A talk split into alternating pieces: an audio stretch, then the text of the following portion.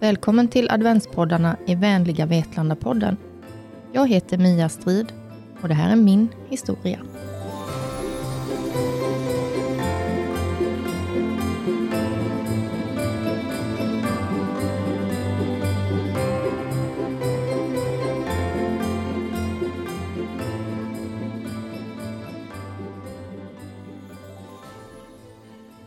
Jag heter Mia och just nu driver jag restaurang Green Room tillsammans med min vän Malin. Vägen till detta har inte varit vare sig rak eller självklar. Om detta och lite annat tänkte jag prata om i min adventspodd. Så välkommen att lyssna!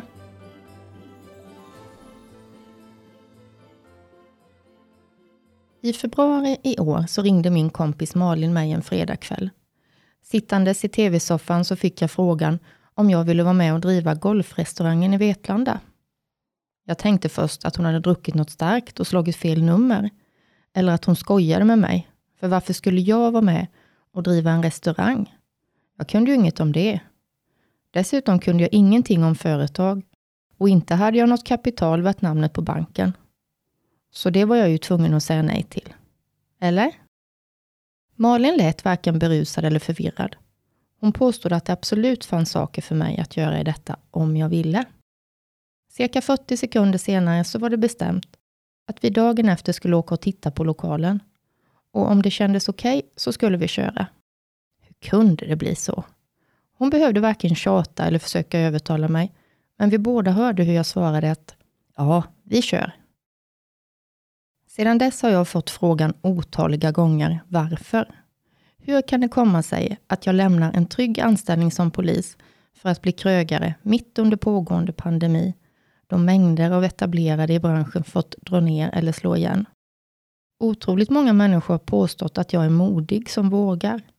Men jag har inte alls sett mig själv som modig. Jag tycker nog att det är Malin som är den modiga, som vågar ta mig med på detta. Inför det här programmet har jag ändå fått tänka till ordentligt om jag är modig. Eller vad är det som gör att andra ser mig som det? Jag ska försöka sammanfatta lite av det som jag tror har gjort mig till den jag är och varför jag tagit de vägar jag har gjort. Så jag börjar väl från början. När jag föddes 1974 så var jag min mammas sjätte barn, men för pappa var jag hans första. Mamma hade flyttat till Korsberg några år tidigare som ensamstående med en hel hög ungar och pappa var ungkarl. Ni kan ju gissa att det tisslades och tasslades i det lilla samhället om vad det där var för en kvinna och alla dessa barn. Det är ju inte hundra år sedan, men jag förstår att det var verkligen andra tider, i slutet på 60-talet. Då när man fortfarande tilltalade varandra med titlar och herrarna på gatan bar hatt. Mamma har nämnt att även efter att hon hade varit bosatt i Korsberga i 20 år, så var det damer som inte ville hälsa. Och när vi barn var hemma hos kompisar och lekte, var det många gånger vi fick svara på ett helt batteri av frågor från nyfikna föräldrar om min mamma och vem som var pappa till mina syskon. Vi unga stillade glatt deras nyfikenhet, för det där med halvsyskon har vi aldrig funderat på. Vi är ju syskon. Den dagen jag föddes måste varit en av de mest händelsefattiga dagarna den vintern. Min födelse fick stora rubriker både i lokalpressen och kvällstidningar. Anledningen var att när jag bestämde mig för att komma ut så gick det undan. Så snabbt att en ambulans fick tillkallas och denna hann inte åka till Eksjö utan fick ratta upp till Bättringsvägen där jag föddes innanför dörrarna på akutmottagningen på Vetlanda lasarett. Vetlanda BB hade varit nedlagt sedan flera år och nu löd rubrikerna Gick fint att föda på nedlagt BB och pressen döpte mig till Lilla fröken Bråttom. Vid den här tiden arrenderade mina föräldrar en gård och bedrev lantbruk. Tyvärr minns jag inget av detta, då de sålde av djur och maskiner när jag bara var några år. Pappa hade svårt att ta till sig det nya sättet att bedriva lantbruk som krävdes för att bli så kostnadseffektivt att det gick att försörja en stor familj på det. Han ville varken ha köttfabrik eller mjölkindustri. Han ville vara bonde med både grisar, höns, kor och hästar. Men det bar sig inte riktigt och då blev det för oss som för så många andra på 70-talet. Flytten gick från gården till stan och vi landade i en lägenhet på Kantarellvägen i Vetlanda Pappa började jobba på Sapa, men det var svårt för honom att trivas. Han tyckte att eh, metall var ett så kallt material. Han hade ju hela sitt liv jobbat nära naturen. Faktum var att ingen trivdes i stan. Vi var från landet och vi behövde gräs, grus och skog. Så tillbaka till landet. Inte som lantbrukare, men återigen Korsbergabor. Där växte jag alltså upp som minstingen. Jag var inte bortskämd bara för att jag var yngst. Det var pappa noga med. Han gjorde aldrig skillnad på oss barn och han hade ett uttryck. Att ska solen skina på en, så ska solen skina på alla. Jag var heller inte ungen som ville ha hjälp. Mina systrar kallade mig fröken göra helv. Allt skulle jag göra själv, oavsett om jag kunde eller inte. Min pappa var händig. Han var duktig både på att snickra och baka kakor och jag ville lära mig det han kunde. Tyvärr fick jag inte hjälpa till en gång, fast jag ville. Pappa hade bytt ett fönster i lekstugan och jag var nog fyra år och ville måla fönstret efter att han hade kittat det. Nej, inte denna gång, men nästa blev svaret. Jag plockade då upp en sten från grusgången och kastade den genom fönstret, som förstås gick sönder. Tålmodigt fick pappa återigen byta glas och nu var det ju nästa gång, så jag fick vara med och måla. Var man som jag sex år yngre än mitt i åldern närmsta syskon, så var det ibland svårt att hålla jämna steg. Man fick inte vara jobbig om man skulle få vara med och man var tvungen att utveckla som ett sjätte sinne för vad som fick talas om när mamma och pappa hörde på. Jag fick genom detta en ordentlig utbildning i det sociala spelet. Folk säger ibland att jag är social, men jag vet inte. Jag kan verkligen älska att eh, vara helt för mig själv i både timmar och dagar. Jag tror mer att det handlar om att jag har lärt mig koderna, att jag kan spelreglerna. Och för det är jag mina syskon evigt tacksam. Och ville man göra sig hörd i den där skaran av ungar, syskon, sommarbarn, kusiner och så kompisar till allihop, ja då fick man ju se till att ha något att säga. Eller i alla fall höras mer än de andra. Så ett blygt barn, det var jag nog inte. Jag var en bokstukare av rang när jag växte upp och jag var både prinsessa och detektiv, doktor och sjörövare. I mina böcker alltså. I verkligheten fostrades jag som så många andra enligt jantelagen. Inte skulle jag tro att jag kunde bli något. Det var ju verkligen inte så att det var mina föräldrar som sa att jag inget dög till. Men i tysthet förstod jag ändå att högre utbildning, fina jobb och flotta ägodelar, det var för andra, inte sådana som oss. Det där har jag tänkt mycket på och till viss del berodde det nog på att det var så samhället såg ut. Människor var trogna sin bank, sin frisör också sin samhällsklass. Det yrke som valdes efter skolan, det skulle man också hålla sig till fram till pension. Men jag tycker om att lära mig nya saker. Det finns så otroligt många saker jag vill kunna. Allt tror jag inte man varken kan eller bör läsa sig till själv. Att diskutera det man lär sig med andra för att få nya tankar och andra infallsvinklar, det är viktigt för att befästa sina kunskaper. Ett sätt att göra det kan ju vara att gå en kvällskurs. Det arrangeras ju mängder om man söker runt och hittar man inte det man söker, finns det möjlighet att själv dra igång en i någon av studieförbundens regi. Det är ju ganska fantastiskt. Min första kvällskurs gick jag tillsammans med mamma när jag var 12 år. Vi sydde kläder en kväll i veckan tillsammans med andra damer. Jag fick vara med lite på nåder. Inget trams och noga skulle jag vara. Och så blev det. Jag var en duktig tjej och lärde mig sy bättre än de flesta i gruppen. Och här föddes min lust att sy, både kläder och annat. Med mängder av idéer men ingen plan för framtiden när det var dags att söka till gymnasiet så valde jag en textilutbildning på Per gymnasiet i Jönköping. Tänkte att det kunde vara kul att bo i en större stad och att bli riktigt bra på att sy, det kan ju aldrig vara bortkastat. Så 15 år gammal flyttade jag hemifrån. Jag extrajobbade på McDonalds och jag vet att min lön, helt enligt avtal, den var på 37 kronor i timmen. Efter studenten var jag tillbaka i Vetlanda. Jag jobbade min första sommar som semestervikarie på ett av kommunens gruppboenden. Helt makalöst, men till detta sommarjobb så återkom jag sedan 19 år i rad. Det måste nästan vara något slags rekord. Under gymnasiet hade jag börjat bena ut vad jag kunde tänka mig att jobba som. Advokat eller åklagare, det var hett. Liksom polis eller lärare. Men jag tror det var Jante som sa mig att juridiken skulle jag nog släppa. Den var inte för någon som mig. Men polis eller lärare kändes inte lika stort. Polisutbildningen låg nere under en period Och jag som redan från början kallats fröken Bråttom, jag hade ju inte tålamod att vänta på att de skulle öppna upp igen. Jag ville plugga vidare nu. Så då fick jag satsa på lärare. Textillärare. Eftersom jag inte hade tredje årets svenska och engelska från min tvååriga gymnasieutbildning, så behövde detta läsas in på komvux. Och så behövde jag ju en försörjning.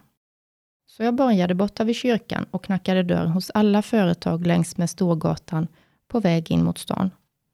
Och när jag kom till restaurang Capri, där Chili Thai nu ligger, så fick jag napp. Jag trivdes bra på Capri. Vi var fyra ungdomar som jobbade tillsammans med ägarna och det var den tidens uteställe nummer ett. Jag ansvarade för den delen som var hamburgerbar och pizzeria, där pubbladan ligger idag.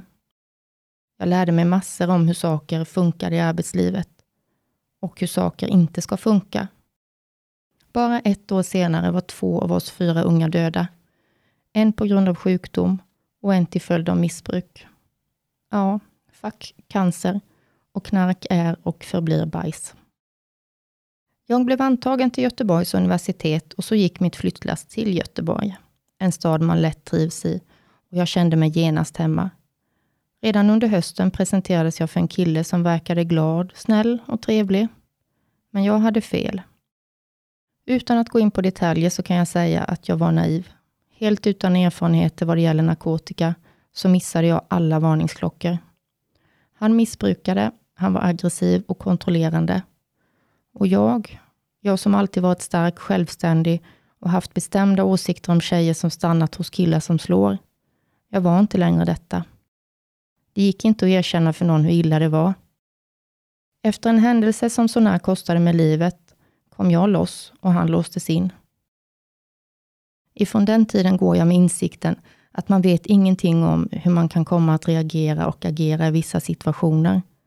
Jag vet också att man kan hamna i situationer man aldrig någonsin skulle kunna tro. Vi kan heller inte ha en aning om vad som gömmer sig inom familjens fyra väggar. För när någon lär sig ljuga så bra att hen kan övertyga sig själv, då kan ingen utomstående avslöja den lögnen. Andra halvan av min studietid var så mycket bättre med friska vänner. Nöjesutbudet i Göteborg kunde kompletteras med båtresor till både Tyskland och Danmark, beroende på hur länge man ville vara borta. I mitten av 90-talet var det nästan så att rederierna gav bort passagerarbiljetter och festen blev betydligt billigare till havs än på land. Efter upprepade resor till Danmark blev jag och tjejen som jag delade lägenhet med mer eller mindre fast i Danmark. Vi lärde känna härliga människor, behärska språket och jag kände mig riktigt hemma. Under ett par säsonger så jobbade jag och en av mina systrar som servitriser på en italiensk restaurang i danska staden Fredrikshamn. Och helt otroligt nog, en av kockarna på det stället, Giovanni, han var den som startade upp restaurang Capri i Vetlanda. Hur stor är den sannolikheten? Och det kan nog vara så att jag råkade födas i fel land. Jag hoppas kunna få ha mitt eget ställe att kalla hemma i Danmark någon dag. Julen innan jag tog examen så träffade jag en kille i Vetlanda, Jesper. Det är nu 24 år sedan och vi lever fortfarande tillsammans. Efter examen jobbade jag vidare på ett av kommunens gruppboende och på Vetlanda stadshotell i väntan på att det skulle bli en textillärartjänst ledig i närheten. Jag hoppade också in som lärarvikarie. Men det som hände först var att jag blev gravid och födde vår dotter. Två år senare kom lillebror, lagom tills vi flyttade in i vårt första hus som Jesper och jag renoverat från grunden. När det ett par år senare blev dags att börja jobba efter föräldraledighet så fick jag jobb på Gardinhuset, en tygaffär som då fanns i stan. Och vad roligt det var! Tänk att få plocka med tyger och hjälpa kunder och sy. Helt fantastiskt roligt. Och jag hävdar bestämt att man kan bli djupt förälskad i ett stycke tyg. 2006 föddes vårt tredje barn, en kille till. Och det var när jag gick föräldraledig med honom som jag började fundera över framtiden. Gardinaffären skulle säljas och jag hade börjat ifrågasätta om jag verkligen ville jobba som lärare. Så faktiskt gick jag till en studievägledare i smyg. Jag tänkte att jag kanske nog skulle vara nöjd med det jag hade och inte kunde väl jag vid 34 års ålder bli något annat. Jag fick veta att juridik och mäklare kunde bli svårt att läsa i närheten och jag hade inga planer på att veckopendla med tre små barn hemma. Men polisutbildningen fanns ju numera i Växjö och dit är det ju inte så långt. Så jag skickade in min ansökan, fortfarande utan att säga något till familjen. och helt utan förhoppningar om att bli antagen. Men så kom ett besked. Jag skulle infinna mig på Pliktverket i Karlskrona för tester och samtal. Och nu kunde jag ju inte längre hålla min ansökan hemlig för sambon, utan jag fick berätta vad jag hade gjort. Och han tog det med ro. Tester och samtal gick mycket bra. Jag kände mig lugn och trygg med den jag var och med facit i hand så var det nog bra att polisutbildningen inte hade några intag då jag tänkte söka som 19-åring. Det är så många erfarenheter och så många möten med människor och situationer som gjort mig bra mycket klokare än vad jag var då. Ändå kunde jag inte tro att jag skulle kunna gå hela vägen. Jag såg mig omkring bland övriga sökande. De var yngre och vältränade, självsäkra jag kunde se alla av dem i uniform. Men jag kunde inte alls föreställa mig min egen mammakropp i en sån. För nio månader tidigare så hade jag varit gravid och vägde en bra bit över 100 kilo. Samtidigt behövde nu vår lilla familj som blivit större mera plats. Efter sju års renovering ville vi inte bygga mer, men när vi sökte större hus insåg vi att det får nog bli ett nytt renoveringsobjekt. Så under våren föll bitar på plats. Vi köpte ett nytt, dubbelt så stort hus i Landsbro denna gången. Samma vecka som flyttlasset gick skrev jag på anställningsbevis hos rektorn på skolan, som låg 200 meter från nya adressen. Åh, äntligen en fast tjänst som textillärare. Men så två dagar senare kom brevet. Brevet som jag inte ens hunnit längta efter eller fundera på med tre små barn och en flytt att styra med. Men jo då, jag var alltså antagen till polisutbildningen i Växjö. Förnuftet sa att jag skulle tacka nej. Så mycket enklare livet skulle bli nu med promenadavstånd till mitt lärarjobb på skolan. Bra arbetstid som skulle passa vår familj. Mot detta stod långa dagar med resor till Växjö. Det var omöjligt att ta sig dit och hem i tid med buss, så vi skulle behöva köpa ytterligare en bil. Jag skulle behöva ta nya studielån och vilket jobb var det egentligen jag siktade in mig på? Polisarbete med treskift och risker. Är det lämpligt som småbarnsmamma? Och så var det ju det här med husets renovering. När skulle det hinnas med? Huset var inte i skick att vi skulle kunna leva i det som det var. Standarden var från 40-talet och allt, precis allt, behövde göras. Jag minns inte längre hur vi resonerade, men jag har ju förstått att man ångrar det mest som man aldrig gjorde. Så det blev att gå bort till skolan och be om ursäkt och säga upp sin anställning redan innan jag hade börjat. Och jag vet att Jesper många gånger kan önska att jag kunde välja ett enklare sätt att leva. Så hade det varit upp till honom så hade det nog inte blivit någon polisskola för mig. Men vi skulle aldrig komma på tanken att sätta förbud i varandras liv. Och han känner ju mig som envis och kavlade därför upp även sina ärmar för att ro det hela i land. För tufft blev det. Vi kämpade på för att få barnens sovrum och ett badrum färdigt innan skolstart. Själva sov vi på madrasser i tv-rummet och lagade mat på kokplatta. Två månader in i utbildningen gick företaget där Jesper arbetade i konkurs och han stod utan jobb. Hur skulle det nu gå med huslån? A-kassa och CSN gör ingen barnfamilj rik. Så skulle jag behöva hoppa av studierna på grund av det. Men vi klarade oss några månader och sen fick han ett nytt jobb. Att som 34-åring börja polisutbildningen gav mig faktiskt lite åldersnoja. Jag som alltid varit yngst, Yngst i familjen och yngst i klassen, yngst på jobbet. Nu var jag äldst i klassen. Och inte var jag så vältränad som klasskompisarna heller. De som kunde hänga på gymmet hela kvällarna. Men mitt mål var att ta mig igenom utbildningen och detta utan omtentor. Jag hade ju inte någon tid över till att göra om saker, så fullt fokus när jag var på plats. Att vara tidseffektiv blev otroligt viktigt. Jag steg upp innan sex, rullade undan min madrass, startade kaffebryggan och gick i duschen. Hällde kaffet på termos, bredde ett par mackor och körde hemifrån vid halv sju. Frukosten åt jag i bilen. Polisutbildningen var då på två år och det är mycket som ska läras. Det är fulla dagar, åtta till fem, fem dagar i veckan. Jag hade begränsat med både tid och ork att plugga hemma, så rasterna i skolan ägnades åt att läsa. Fullt fokus på lektioner och föreläsningar gjorde att jag klarade mig undan omtentorna. Det var tuffare med vissa fysiska ämnen. Kroppen värkte efter övningar och jag njöt inte av att sova på en madrass. Men man tog en sak i taget. Både utbildning och renovering bockades av, samtidigt som barnen fick sitt.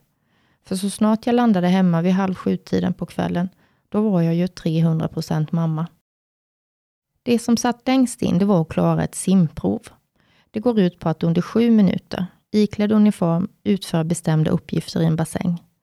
Jag har aldrig varit något vattendjur och jag hade jättejobbigt med att arbeta under ytan. Hela mitt inre skriker åt mig att ta mig upp, så det blev en kamp. Jag gick på extra simutbildning en termin för att klara provet, men vid testtillfället så simmade jag in på sju minuter och två sekunder. Den kvällen grät jag i bilen hem från Växjö. Och i julklapp det året fick jag en klocka av familjen. Äldsta sonen förkunnade stolt att de hade då tänkt på allt. Klockan var vattentät, så om jag hade den på mig när jag simmade nästa gång, då skulle jag ju kunna hålla tiden. Ytterligare en termin med kvällskurs i simteknik och så två veckor innan examen skulle jag testas igen. Klarade jag det inte nu så blev det ingen examen. Examinerande lärare hade tagit hjälp av studenter från idrottsutbildningen med tidtagning. Två av dessa hade nog hört om min kamp. De ville vara snälla och nästan viskade. Hoppa i när han inte ser, så startar vi klockan strax efter. Nej, sa jag. Ska jag bli godkänd så ska det bli för att jag klarar det som krävs. Jag må vara dålig på att simma under vatten, men någon fuskare är jag inte. Och jag simmade in på 6 minuter och 36 sekunder. Helt korrekt tidtaget. Och jag var just där och då bäst i världen. På väg ut från simhallen stannade jag i kassan och köpte simborgarmärket. Det var cerise i färgen det året och detta märke bar jag på min uniform under examensdagen. Under sista terminen sökte man sin aspirantplats. Det fanns inga garantier var man kunde komma och få sin placering och fasan var att hamna långt ifrån familjen. En kille i klassen med både fru, barn och villa i skånska Hör, han fick sin placering i Stockholm. Och det var take it or leave it som gällde. Men jag hade turen att hamna precis där jag ville. Jönköpings län och lokalpolisområde Höglandet. I juni 2010 började jag och eh, ytterligare 11 aspiranter i det då nybyggda polishuset i Eksjö. Vad roligt det var. Så spännande att aldrig veta vilket jobb man skulle skickas på när operatören ropade upp ens patrull på radion. Ingen dag var den andra lik. Och att min aspiranthandledare dessutom var hundförare och skickades på de mest spännande och just nu pågående jobben höjde det förstås ytterligare ett snäpp. När passet var slut var det knappt som man ville åka hem. Kanske kunde man få hinna med ett jobb till. Man kan aldrig veta hur man kan komma att reagera i skarpa lägen och det kan ju vara svårt att förbereda sig när man inte vet vad som ska hända. Redan en vecka in på aspiranten så fick jag tillfälle att förstå detta. Vittnen hade sett två män parkera en bil. De hade sedan kontrollerat ett vapen och lämnat platsen till fots. Jag och handledaren kallades dit för att invänta att männen kom tillbaka. Handledaren gömde sig och hunden på en liten höjd med uppsikt över bilen och jag gömde mig i ett buskage för att bevaka gångvägen. Helt plötsligt ser jag dem komma emot mig i mörkret. Två män, uppenbart påverkade och troligtvis beväpnade. Jag behövde förmedla detta till kollegan, men vågade inte använda radion eftersom dess display lyste upp då man sände. Där och då hann jag tänka ett par varv på barnen där hemma som jag hade sagt godnatt till ett par timmar tidigare. Sen böjde jag mig över radion för att dämpa både dess ljus och min röst. Jag meddelade kollegan och på given signal så rusade både han och jag och hunden emot männen från olika håll. Vi beordrade ner dem på marken och ingripandet gick bra. Jag kunde dock höra att rädslan jag känt hade påverkat min röst, som lät märkligt svag. Jag har sedan utvecklat ett sätt att prata när jag har adrenalinpåslag som är i ett lugnare tempo än jag normalt sett pratar i. På så vis kan jag kontrollera rösten. Efter fem år i yttre tjänst blev jag erbjuden ett vikariat som stationsbefäl. Stationsbefälets roll på polisstationen är lite svår att enkelt förklara. Man finns på plats dygnet runt och är den som ska ha koll. Saknas det yttre ledning för passet är man den som fördelar arbetet till patrullerna. Man ansvarar för de frihetsberövade i arresten och man tar emot besökare på stationen. Kanske vill de lämna ett tips eller göra en anmälan. Man har en hel del administrativt arbete.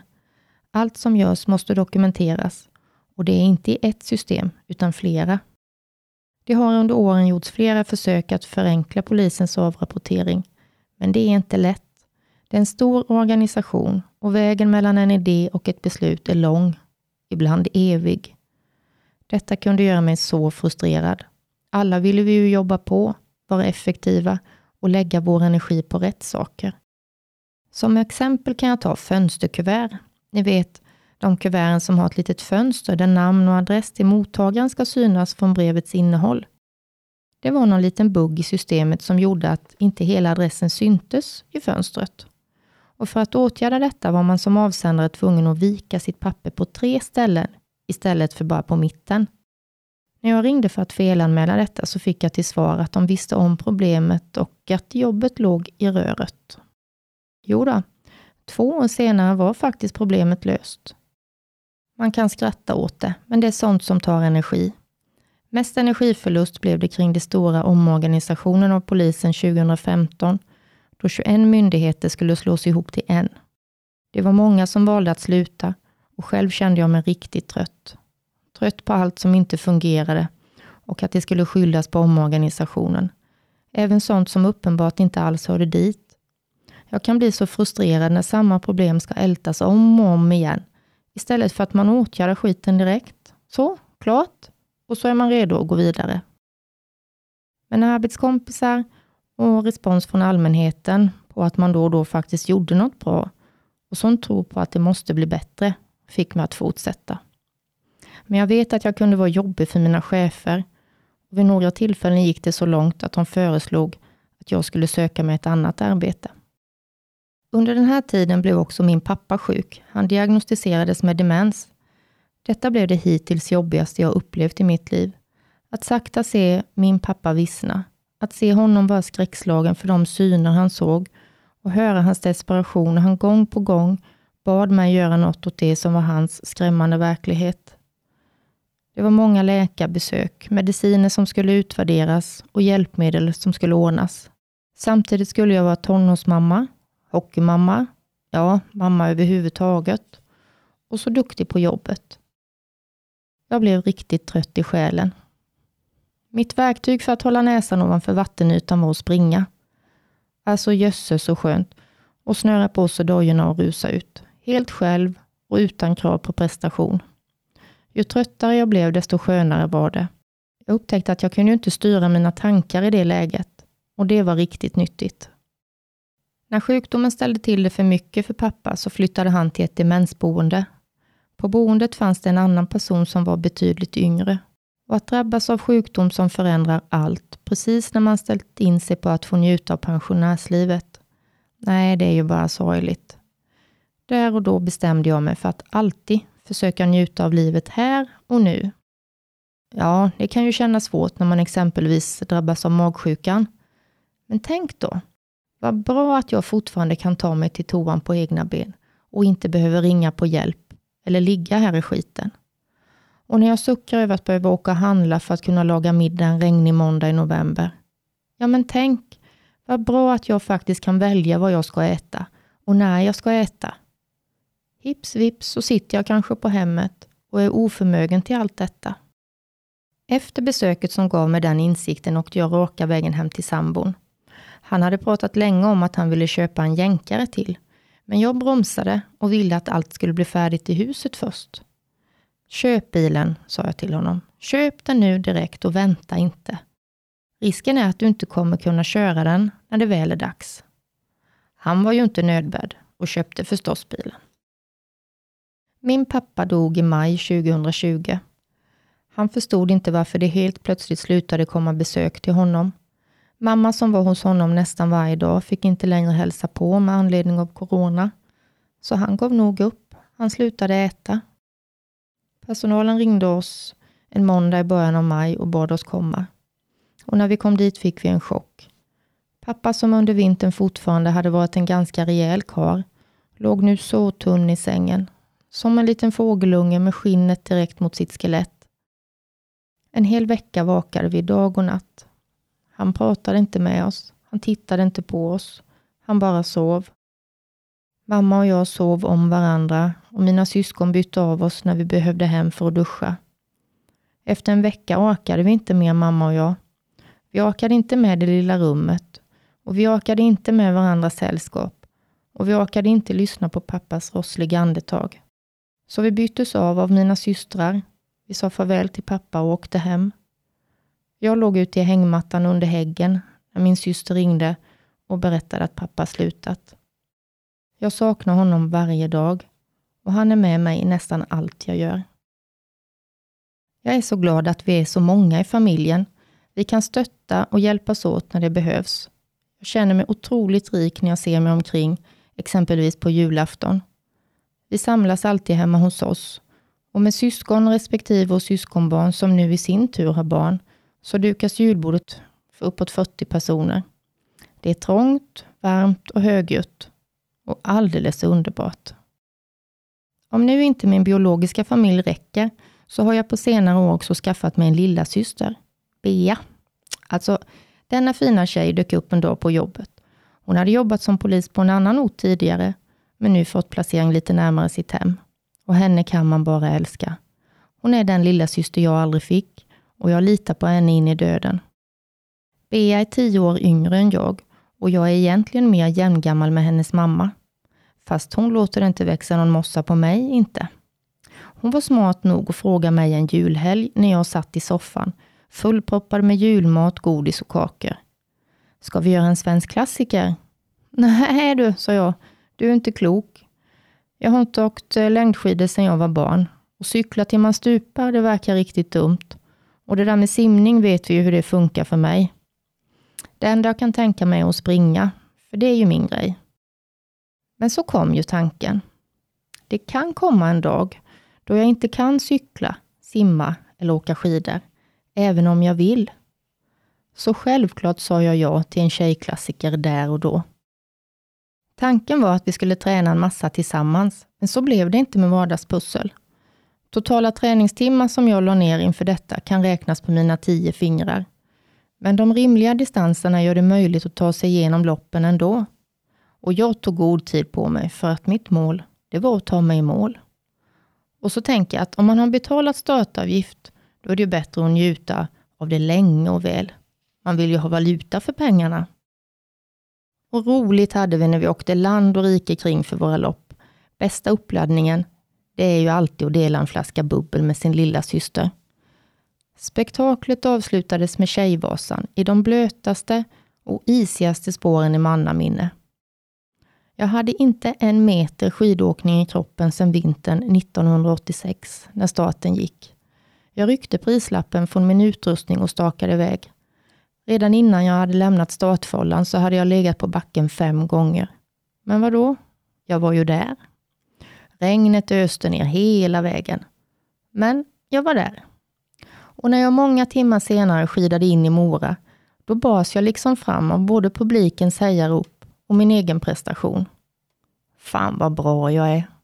Och det är ju inte alla som måste vinna.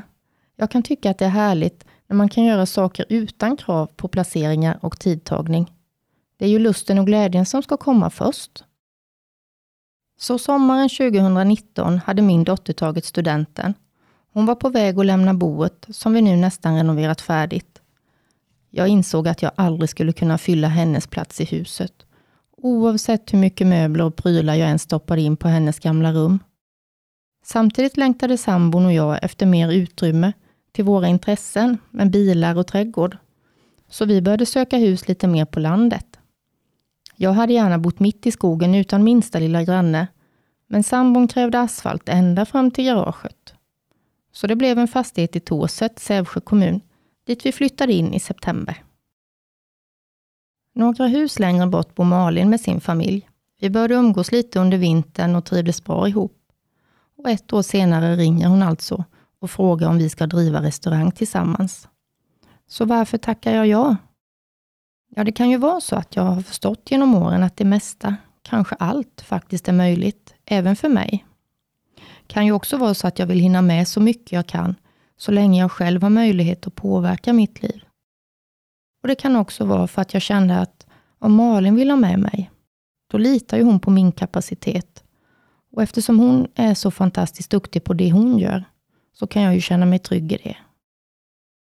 På rekordtid ordnades allt med att bilda företag, söka tjänstledigt, gå alkoholserveringskursen, göra inköp och ställa i ordning lokalen.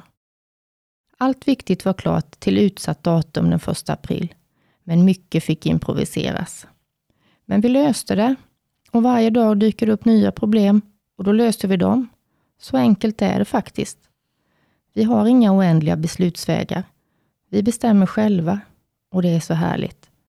Vårt samarbete funkar kanon och en sån sak kunde vi ju inte heller veta innan vi drog igång. Jag har nog aldrig jobbat så mycket som nu, men att räkna timmar, det är inte lönt. Och vi har fått så härlig stöttning från golfklubben och så familjen och vänner. Och så har vi fått så många nya härliga vänner. Första tiden var jag helt förbluffad över hur många trevliga människor det finns. Jag som blivit van vid att bli kallad både det ena och det andra i min roll som polis, möttes nu av leenden från människor som kom till mig frivilligt. I mitt jobb i arresten med de frihetsberövade så hade man ju alltid kontakt med de som inte ville vara där. De som kände sig missförstådda och orättvist behandlade, eller kanske förlorat allt. Då fick man, som iklädd en myndighetsuniform, klä skott för all deras frustration. Jag försökte alltid att bemöta alla med respekt, oavsett vad anledningen till att personen befann sig hos polisen var. För det första så är det inte min uppgift att döma. Till det har vi domstolar. Och har man inte hela storyn, från början till slut, så vet man ju heller inte varför personen hamnat snett. Jag kan absolut fördöma gärningen, men aldrig någonsin människan. Och ofta ändrades attityden efter att de hade fått prata en stund och det blev många jobbiga men också fina samtal. Och så här efteråt när jag fått distans till det så känner jag att min själ nog påverkades mer negativt än vad jag själv förstod då. Nu känns det mer som att eh, det blommar i mitt bröst. I somras hade jag en veckas semester. Då sa jag upp mig från polisen. Jag tänker att poliser kommer nog tyvärr alltid behövas, om jag skulle ångra mig längre fram. Så nu kör vi vidare. Just nu är vi i en intensiv tid med julbord innan vi tar lite ledigt i januari. För första gången på över 30 år så ska jag inte jobba varken jul eller nyår. Får väl se om det hinns med någon ny kvällskurs till våren. Och jag har inte en aning om vad det blir. Biodling, gästgårdsbygge, släktforskning eller arabiska kanske. Jag hörde senast igår att det finns en ettårig trädgårdsmästarkurs. Den skulle jag vilja gå. Men nu kör vi restaurang, så mycket vi vill och orkar. Livet är spännande och man ska inte planera det för mycket. Var och en är sin egen lyckas med. Och då kan man inte bara sitta och vänta på förändring och på bättre tider. Vill man något så kan man. Ibland krävs det förstås mer jobb att nå fram. Men så mycket härligare då när man når sitt mål. Alltså sitt eget mål. Var snäll mot dig själv och tillåt dig att misslyckas. Lär dig något från det och så njut när du gör något bra. Och var snäll mot andra, även de du inte känner. Snacka inte skit och lyssna inte på skvaller. Tack för att du tog av din tid för att lyssna på mig. Jag önskar dig en riktigt fin jul och jag hoppas att 2022 blir ett fantastiskt år för oss alla.